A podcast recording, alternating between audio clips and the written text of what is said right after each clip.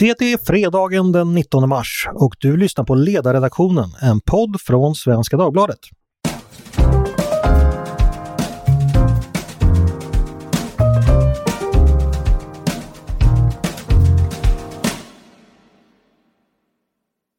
Glad fredag! Jag hoppas att alla mår bra.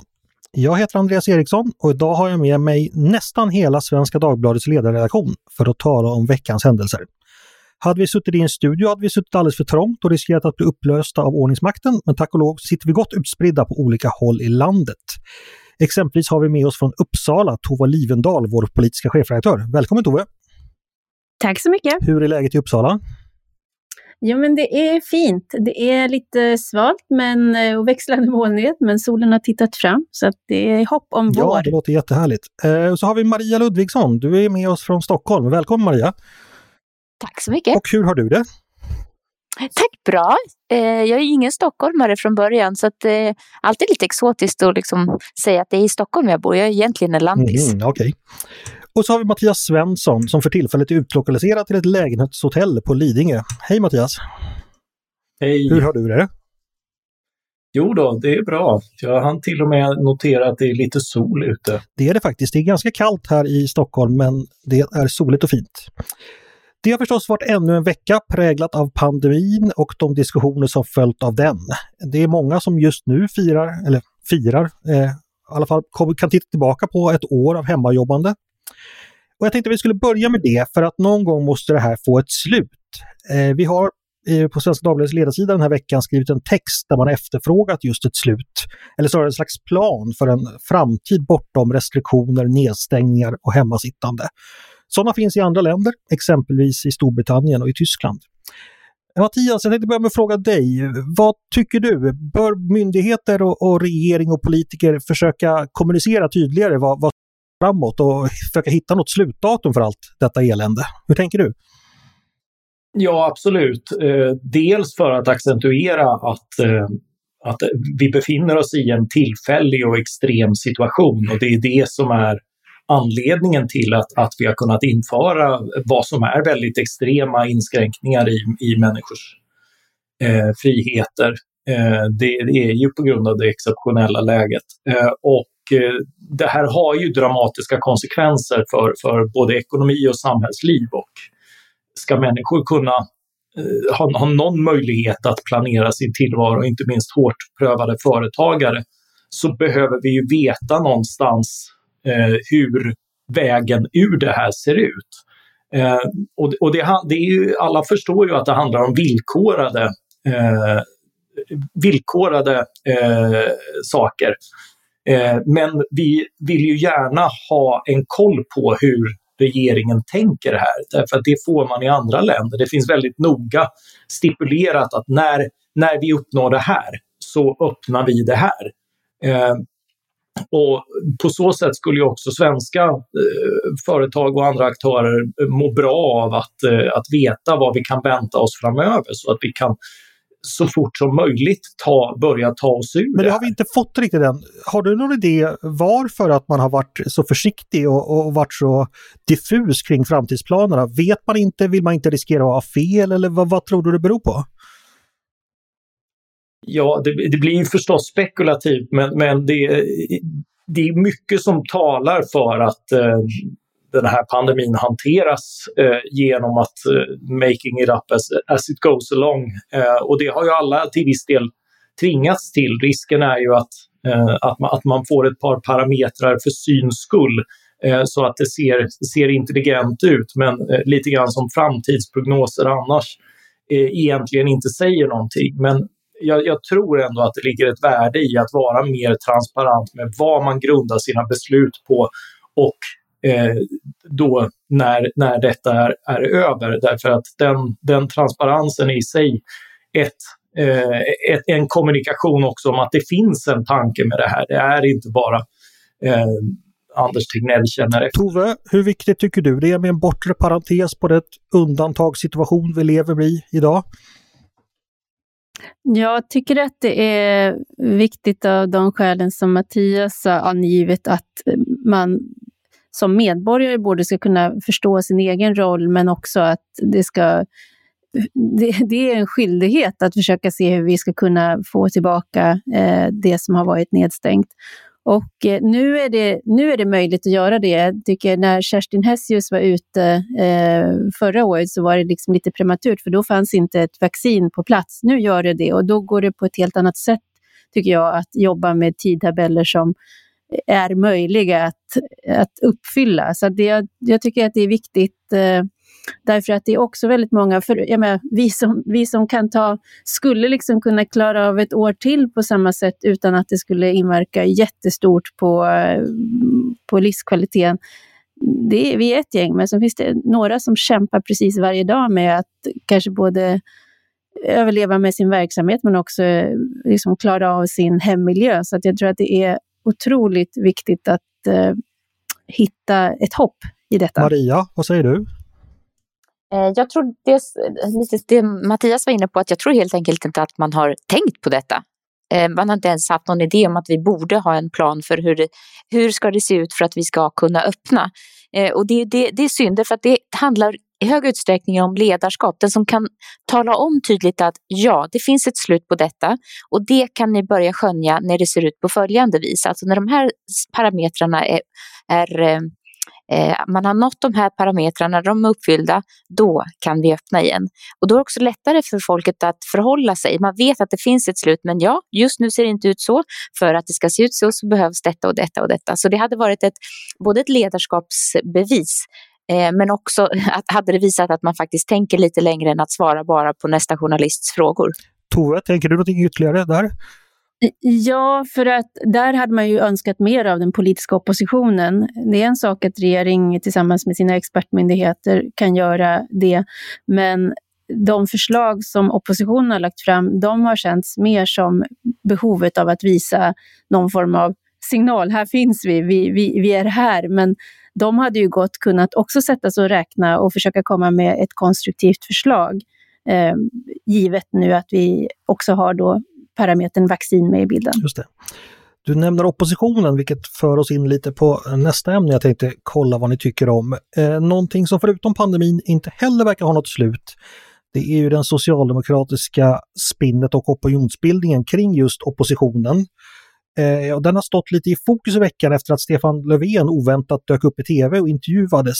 Och mycket handlade då om de varningar för att landet vid en eventuell seger för oppositionen nästa val skulle riskera att faktiskt driva bort från demokratin på grund av det inflytande, eller det eventuella inflytande SD då skulle få. Eh, och av det, utifrån detta har han då fått skäll av somliga, men andra har tyckt att statsministern var rätt ute som varnar. Eh, så vad tycker vi? Vad säger du Maria? Eh, min första fråga är då, tror Löfven på det han säger om farorna för demokratin? Och min andra fråga är, hur många av väljarna är det som tror honom? Tror du? Ja, och vad tror jag? Ja, vad han egentligen tror, tänker och tycker, det har jag verkligen ingen aning om. Ibland får jag en känsla av att han är en figur som de använder. De säger till honom vad han ska säga och tycka och sen så säger han och tycker han det i, i tv. Nu var han ganska bra, vi talar ju om det här programmet i SVT eh, 30 minuter och där tyckte jag han gjorde det förvånansvärt bra. Han var han, han verkade vara en hel människa som var fullständigt närvarande.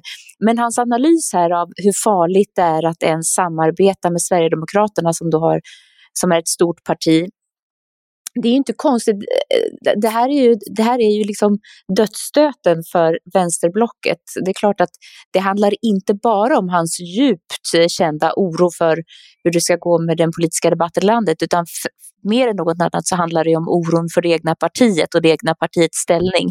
Detta att de har kunnat linda upp både Centerpartiet och Liberalerna är liksom ett tecken på att they, stay, they still got it. Socialdemokraterna är absolut bäst av alla på att att härska, eh, att binda till sig och sen att göra, spela ut dem mot varandra och få sin vilja igenom. Så för honom och för socialdemokratin så är ju det främsta hotet kanske inte egentligen att de ser att eh, demokratin går under om man samtalar med Sverigedemokraterna, utan däremot att socialdemokratins totalita, to, totala era av makt däremot går under. Freudian slip. Freudian slip. Ja, Okej, okay. Eh, men den andra frågan då. Tror väljarna på, på oavsett vad han själv tror, vad, vad, vad tror väljarna? Hur, hur påverkas de av det här? De har redan bestämt sig. De som tror på honom redan innan, de gör det ännu mer efter detta. Och de som tycker att det är överdrivet och trams och himla med ögonen, de kommer bli än mer övertygade om att, att de alltid har haft rätt om honom och om Socialdemokraterna. Okej, okay, en splittrad väljargrupp då alltså. Eh, Mattias, än mer splittrad. Mattias, vad säger du? Socialdemokratin verkar vilja göra det här till ett val om demokrati och anständighet och eh, ja, mer eller mindre för eller mot Hitler. Eh, eh vad tror du? Eh, hur rätt är, ute är de där och hur bra kommer det gå? Vi ska alltid veta att socialdemokratin är fullkomligt skamlös i alla frågor som handlar om makten. Eh, det, här, det här är liksom inget nytt utan, utan eh, det, det heter ju liksom att med borgarna så kommer ni liksom få lämna er äldreomsorg och, och den typen av budskap. Eh, vi har Ingvar Carlssons famösa utspel, som ju ändå var en statsman ut i fingerspetsarna på många sätt. Men när det kom till valrörelsen 1990-91 så blev han utskrattad i ett försök att hävda att eh, med en moderatledd regering skulle barnadödligheten öka. För Moderaterna vill ju ha det som i USA, de har högre spädbarnsdödlighet. Eh, och, och, det där var ju bara så löjligt och orimligt att till och med journalistkåren skrattade honom rakt i ansiktet. Och, och lite grann samma reaktion. Alltså vi vet att Stefan Löfven säger det här för att testa om det flyger. Eh, och, vi vet, och vi vet att det handlar om makten.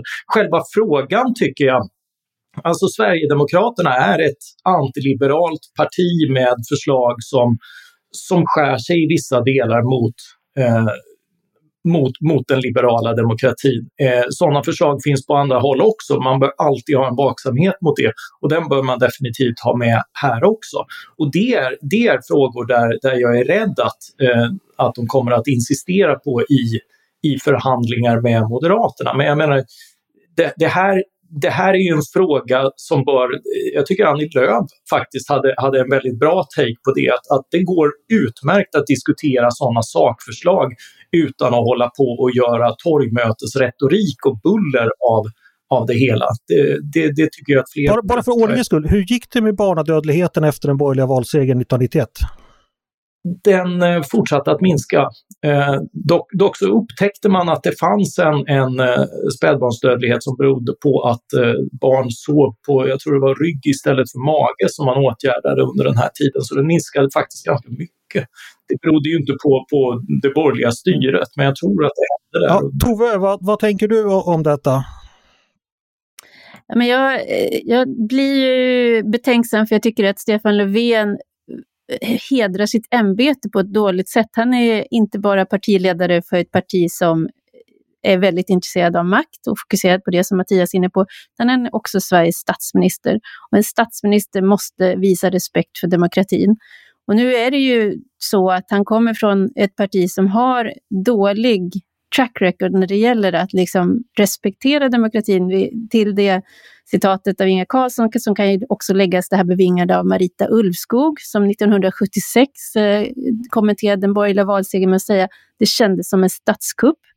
Eh, eller apropå det här med valresultat, så när hon sitter dagen efter nederlaget 2006 och säger vi har inte förlorat alltså, vi har starkt stöd i stora delar av landet. Det är liksom som en slags svensk trumpism. Eh, men, men, och det, det jag menar att de, Stefan Löfven borde respektera att folket bestämmer i en demokrati. Och eh, om folket väljer att rösta bort eh, Stefan Löfvens parti och ersätta det med en annan regering, då måste han kunna respektera det. Och han måste också kunna tänka sig situationen att de skulle återvända efter ett, två eller fyra år igen och då kunna se dem i ögonen som i så fall har gjort något annat val. Så det är, så, det är kortsiktigt och ovarsamt. Jag tänkte fortsätta där Mattias slutade i att, att man ska vara uppmärksam mot de antiliberala eh, drag som finns i oavsett vilket parti de finns. Risken med att göra som Socialdemokraterna och Vänstern gärna gör nu, att man pekar på någonting som groteskt och allvarligt eh, på ett sätt som gör att till slut så kanske man tror att han ropar på vargen. Om, om man tror att Ulf Kristersson med flera vill ja, inte värna demokratin eller om man använder den sortens retorik så är ju risken stor att när det verkligen finns en fara för detta och när det är något antiliberalt att man då heller inte lyssnar på de varningarna för man säger att de där gapar ju alltid så högt om de här sakerna. Så det, det är farligt i sig därför att det förvrider också dimensionerna i en viktig diskussion. Ja, det där är, det där är väldigt viktigt. Eh, det är, jag, jag håller verkligen med. just det, det ropas så mycket och det har varit så eh, det har varit så mycket, eh, man, man, tror att man argumenterar genom att sätta en etikett, men det är ju bara, det är bara en etikett och den kan vara korrekt eller inte, men det är inte ett argument. Det är inget som i sig kommer att övertyga folk, utan använder man det gång på gång på gång så, så kommer det att slå tillbaka, särskilt när man då har anammat och gått i den riktningen i politiskt hänseende. Då undrar ju folk med rätta, eh, nej men vad är det egentligen ni tar avstånd ifrån? Vad är det ni har reservationer mot? Och den frågan tycker jag borde ställas oftare av politiska journalister. Vad i det här innehållet är får, vad, Vilka får saker, fråga, politiska punkter? Får jag bara fråga Mattias och er andra, är ni överens om att det här alltså är kontraproduktivt för Socialdemokraternas del? De kommer helt enkelt inte vinna några nya väljare eller nya hjärtan på den här? Jag, jag, tror, jag tror att man vinner på det, det. Eh, därför att det finns väldigt starka antipatier mot Sverigedemokraterna. De, de eh, minskar och det har en avtagande effekt, men, men du, du kan mobilisera tillräckligt många på det. Men det skapar ju också, precis som jag varit inne på i fallet Centern, det skapar en inlåsningseffekt och en logik där man, där man liksom inte ens kan tala med varandra i, i andra frågor där, där, där den här laddningen inte borde finnas. Det är liksom inte Sverigedemokraternas infrastrukturpolitik som är så. Men det är det som det Maria var inne på det här är att det, det kanske verkar främst för att, mobilisera, alltså för att mobilisera de egna grupperna och få ut dem att rösta och, och, och stärka den saken. Är det så man ska förstå den här opinionsbildningen från socialdemokratins sida? Vad tänker ni om det? Nej, jag tror att det är, eh, de, de tror nog att man kan vinna några på det här och så är det stärka de egna men resultatet tror jag egentligen blir you win some, you lose some. Att det, det, finns de som tilltalas av detta och går dit men så finns det de som appellerar och tycker att det här är inte seriöst. Det här är, det här är eh, åsikter som man visst kan hysa utan att man behöver vara totalitär eller rasist. Jag tror också det. Jag tror att det är ett försök att stärka de egna, men jag tror att väldigt många av de egna också numera finns på arbetsplatser där man har kollegor som öppet röstar på Sverigedemokraterna och som tidigare kanske röstade på Socialdemokraterna eller Centern eller något annat parti. Så att den, den här demoniseringen eh, funkar liksom inte. Jag tror inte på sikt att den kommer att funka. Jag tror att den har pikat ska jag vara, in, om inte djävulen, så i alla fall då Löfvens advokat lite och tänka så här att Sverigedemokraterna är ju trots allt, vilket också brukar påpekas från den här redaktionen, ett, de är ju inte ett parti som alla andra. De är ett antiliberalt parti. De ledande personerna gick med i partiet när det inte alls var som idag utan närmast ett, ett, ett liten sekt uppkrupen ur vit maktträsket. Är de inte farliga på riktigt och att Löfven kan ha god anledning att varna från att släppa in sådana människor så nära rikets, eh, hur riket styrs. Vad tror ni om det? Men eh, det, det är just det. Eh, vi, vi vet på det sätt det här plötsligt används att, eh, att det här inte handlar om omsorg om landet. Det är inte ett bekymmer om specifika värden utan det handlar om bullrande torgmötesretorik för att sätta dit en politisk meningsmotståndare. Eh, och, och just därför så förtas ju det viktiga. Man, man, eh, det är den här Peter och vargen-effekten och det är så uppenbart när det här kommer, inte som svar på några egentliga förslag utan för att socialdemokratin är nervös. Maria, vad säger du? Ja men exakt, det blir nästan en eh, gladiatorspel eller lite av underhållning. Jag tänkte på när Hultqvist också var i SVT och, och gapade eh, mot Jimmy Åkesson så är det den viktiga diskussionen och den intellektuella debatten om detta den kommer fullständigt till korta. Den kommer inte fram överhuvudtaget. Alltså om man verkligen ska diskutera det man är så upprörd över, då kan man inte bara stänga dörren eller bara säga till den, sin motpart att det, det, du står för är genom ont och vi vill inte ens ha med det att göra, då tar man diskussionen om man klarar av den. Men det är inte säkert att man gör det om man inte har övat på det. Okej. Eh, jag tänkte vi skulle gå över till nästa ämne, eh, kära ledarredaktion, och det handlar om er själva nämligen. Vi ska nämligen ägna oss åt lite självrannsakan, eller självsmek kanske om man så vill. Det var nämligen så att eh, Karin Olsson, som är duktig kulturchef på Expressen, hon skrev en artikel i Liberal Debatt om ledarsidornas historia, nutid och framtid, som jag tyckte var väldigt intressant. Eh, och en sak som hon slog ett väldigt hårt slag för där, bland annat, det var de osignerade ledarna eh, som en del tidningar faktiskt har avskaffat. Och det fick mig att fundera lite, för det här tror jag inte alla som lyssnar på oss eller läser vår sida är helt klara över. Eh, och därför tyckte jag det var så bra att du som chef, Tove, är med här idag. Skulle du kunna förklara lite om var, varför man har osignerade ledare, vad som skiljer dem från andra texter och också berätta lite vad en ledarsidas linje är för någonting, för det hör man ju ibland. Mm, absolut. Jo, och det, det, är precis som du säger, det finns inte, alla har in, är inte på det klara med, med det som vi som är på insidan tycker är givet. Och då och då brukar jag faktiskt publicera en liten sån där ruta på ledarsidan och skriva vad är vad, vem skriver vad på ledarsidan. Eh, de osignerade ledarna, de har ju det, eh, de signalerar mycket tydligare än något annat att redaktionen och tidningen och linjen är liksom något större än de enskilda skribenterna. Och det är ju, så är det ju.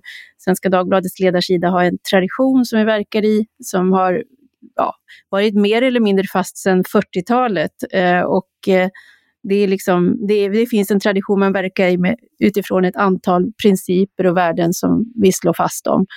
Och det, sen är det ju innevarande ledarredaktions uppgift att utifrån de fastslagna värderingarna och eh, principerna tolka det i den nutid som hela tiden förändras då. Och det finns ju frågor som dyker upp som inte fanns tidigare, utan det, det, är alltid att orientera sig. Och den osignerade blir då att markera det. Men sen har vi ju i det här nya medieklimatet så har det ju uppstått ett större behov av transparens. Eh, och den transparensen blir större på ett sätt när man skriver då signerat. Eh, man, man blir liksom en röst, man kan ha en bättre dialog med läsarna. Och Eh, vi har ju gjort så att vi nästan bara skriver signerat. Eh, vi uppfattar att det blir roligare därför att då kan också skribenterna själva ta ut sina personliga takes på det. Ehm, man kan resonera om saker och ge olika perspektiv. Och det, det, blir, det viktigaste blir inte att fyra personer på redaktionen tycker samma sak eller underkastar sig liksom en tolkning av frågan, utan Istället så kan då fyra personer ge läsarna möjlighet att liksom fatta, sig, liksom fatta beslut i frågan genom att få olika infallsvinklar. Så jag har ju tyckt att det för läsarnas skull också har varit värdefullt att få fler signerade texter. Men när ska man använda den osignerade texten, tänker du, i något sorts idealläge? Eh, det använder man när man vill markera eller eh, alltså, dels kanske påminna om vad är linjen. Vi har, vi har så ett, ett återkommande, det här borde vi göra projekt, det har varit under många år, att kanske äh, vi kör en så serie med linjeartiklar bara för att borsta upp, typ som man skriver ett partiprogram, även fast vi inte är ett parti. Så det skulle man kanske kunna tänka sig en, en bra uppgift för oss nu när vi har omformerat redaktionen och liksom det är nya personer på plats som folk är nyfikna på. Det alltid uppstår frågor. Ja, har ni förändrat det nu när ni har bytt personer? Och det svaret är då att det har vi inte. Eh, men sen är det ju också så att vi brukar skriva osignerat när, när stämningen kräver och det kan ju vara större händelser som är karaktären riksdagsval.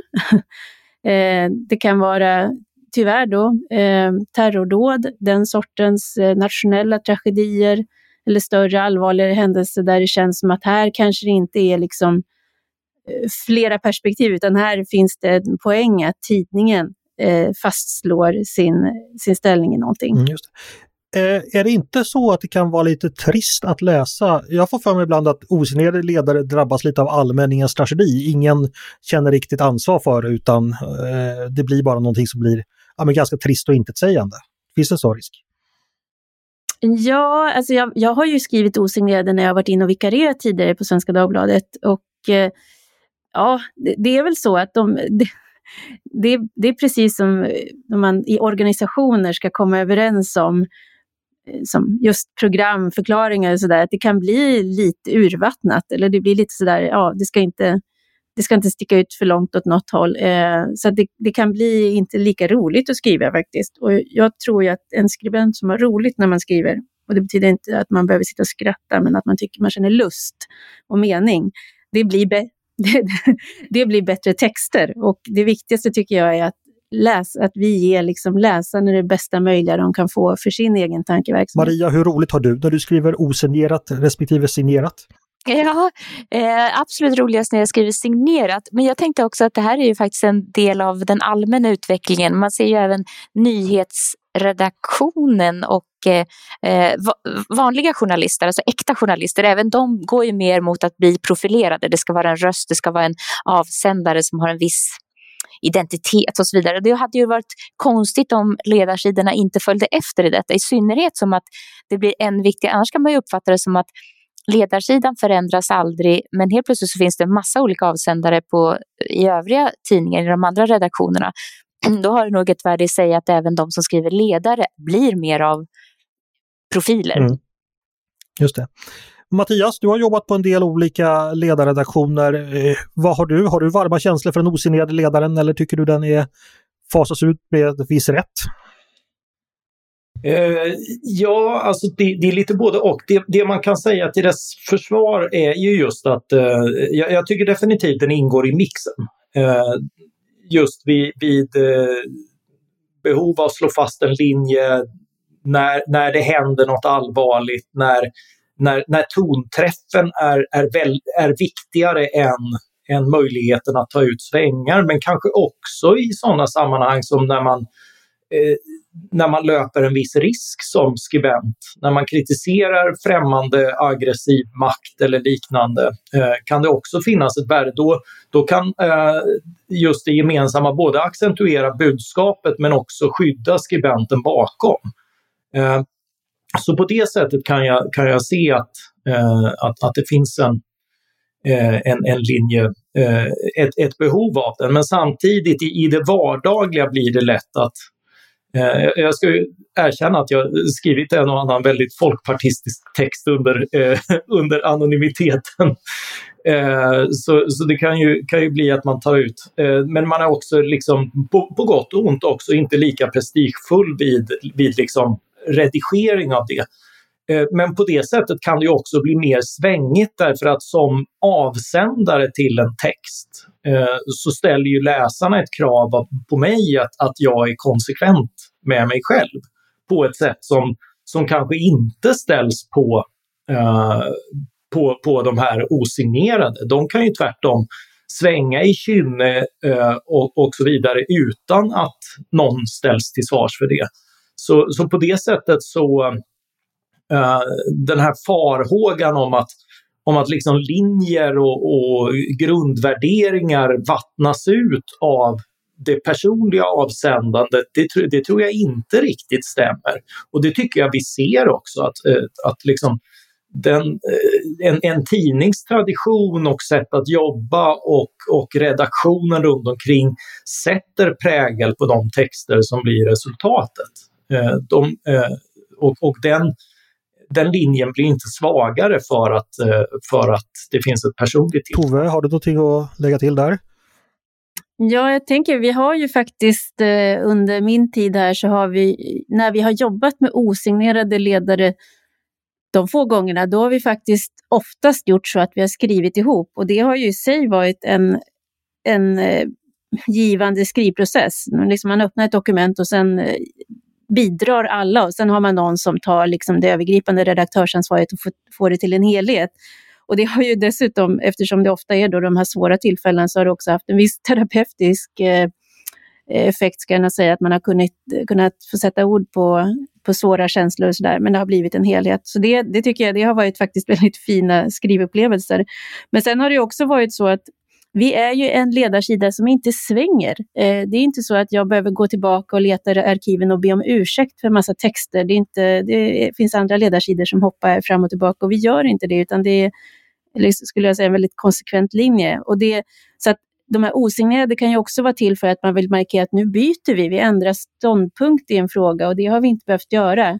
Jag tänkte, om jag, när jag själv tillträdde så gick jag tillbaka och funderade på om det fanns, då, jag tittade arkiven om det fanns någon fråga där jag hade haft en avvikande åsikt från det som hade uttryckts som var svenskans linje. Och det enda som jag kunde se då i närtid såklart, det var ju synen på medlemskap i, i euron, där jag mm. eh, var emot och ledarsidan var för.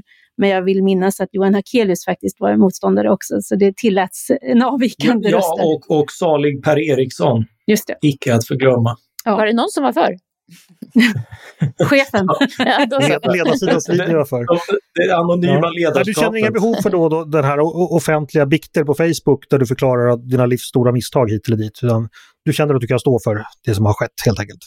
Jag känner mig väldigt komfortabel. Men får jag bara säga en sak som jag reagerade på när jag läste Karins text. Och det är ju en hel serie. De är ju flera som där på Liberal Debatt har skrivit om vad de anser om ledarskriveriet. Och det är ju lite eh, om jag nu ska få vara kritisk, det är ju liksom i stilen som GPs kulturchef klagade förra året, Björn Werner, och skrev att ledarsidorna tar våra jobb.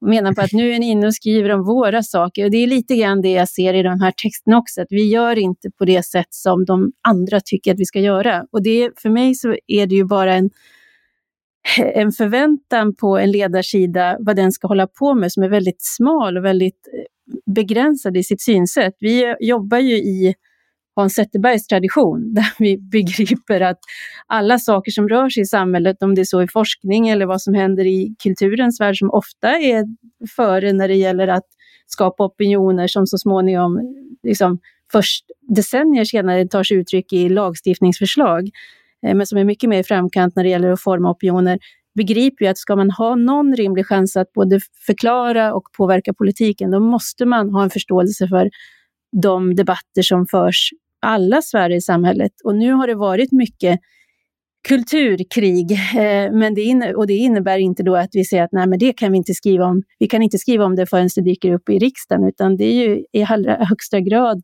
eh, politik eh, som behöver både förstås och debatteras. Vi tänker ha fortsatt aptit. Vi kommer inte att ge oss utan fortsätta klampa in på andra områden.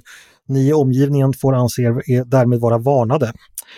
Eh, hörni, jag tänkte vi skulle avsluta med att göra det här lilla svepet som vi gjorde redan förra veckan, att ni ska få tipsa våra lyssnare och läsare om någonting inför helgen som ni tycker man skulle kunna ägna sig åt. För det behövs ju nu när alla sitter hemma och har så tråkigt.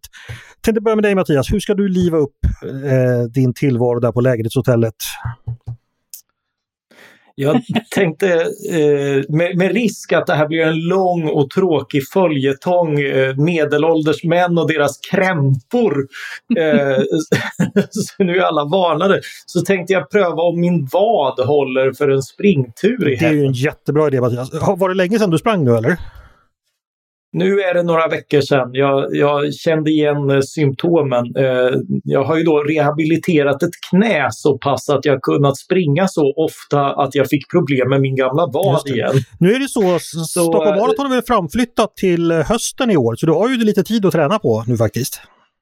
Ja, fast eh, maraton får jag nog skippa. Jag har blivit så där gubblångsam att jag hamnar i den här kategorin för, för liksom övertaggade folk i min egen ålder som börjar slåss i, i, eh, i, i vätskekontrollerna och sådär för att de ska springa på sin rekordtid och så. så eh, jag, jag får bli lite långsammare till och sen kommer jag nog tillbaka till maraton för det är ett trevligt evenemang.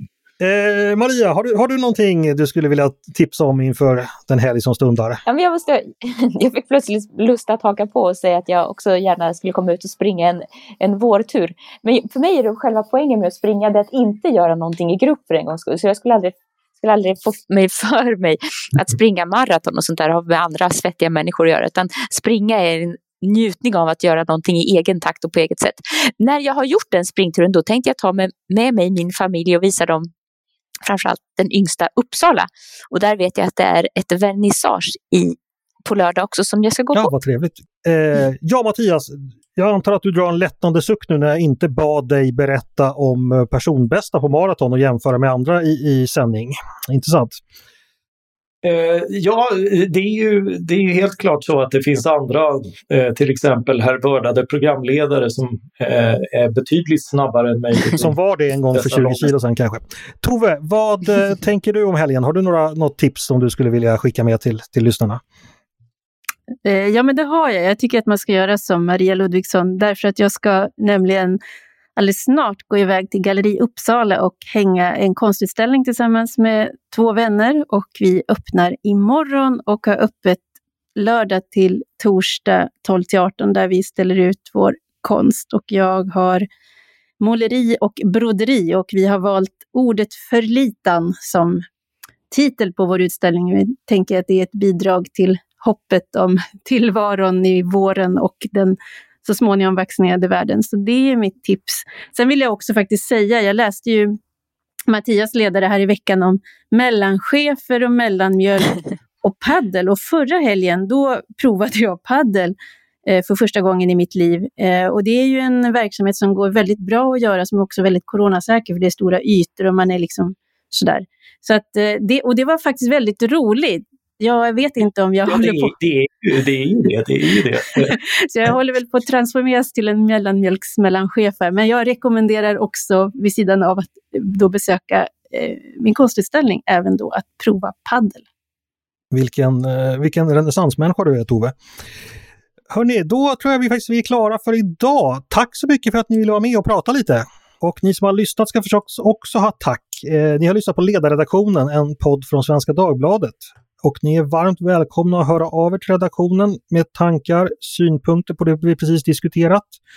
Eller om ni har ett eget helgtips. Eh, eller om ni har idéer och förslag på saker som vi ska ta upp i framtiden. Då är det bara att mejla till ledarsidan snabel svd.se.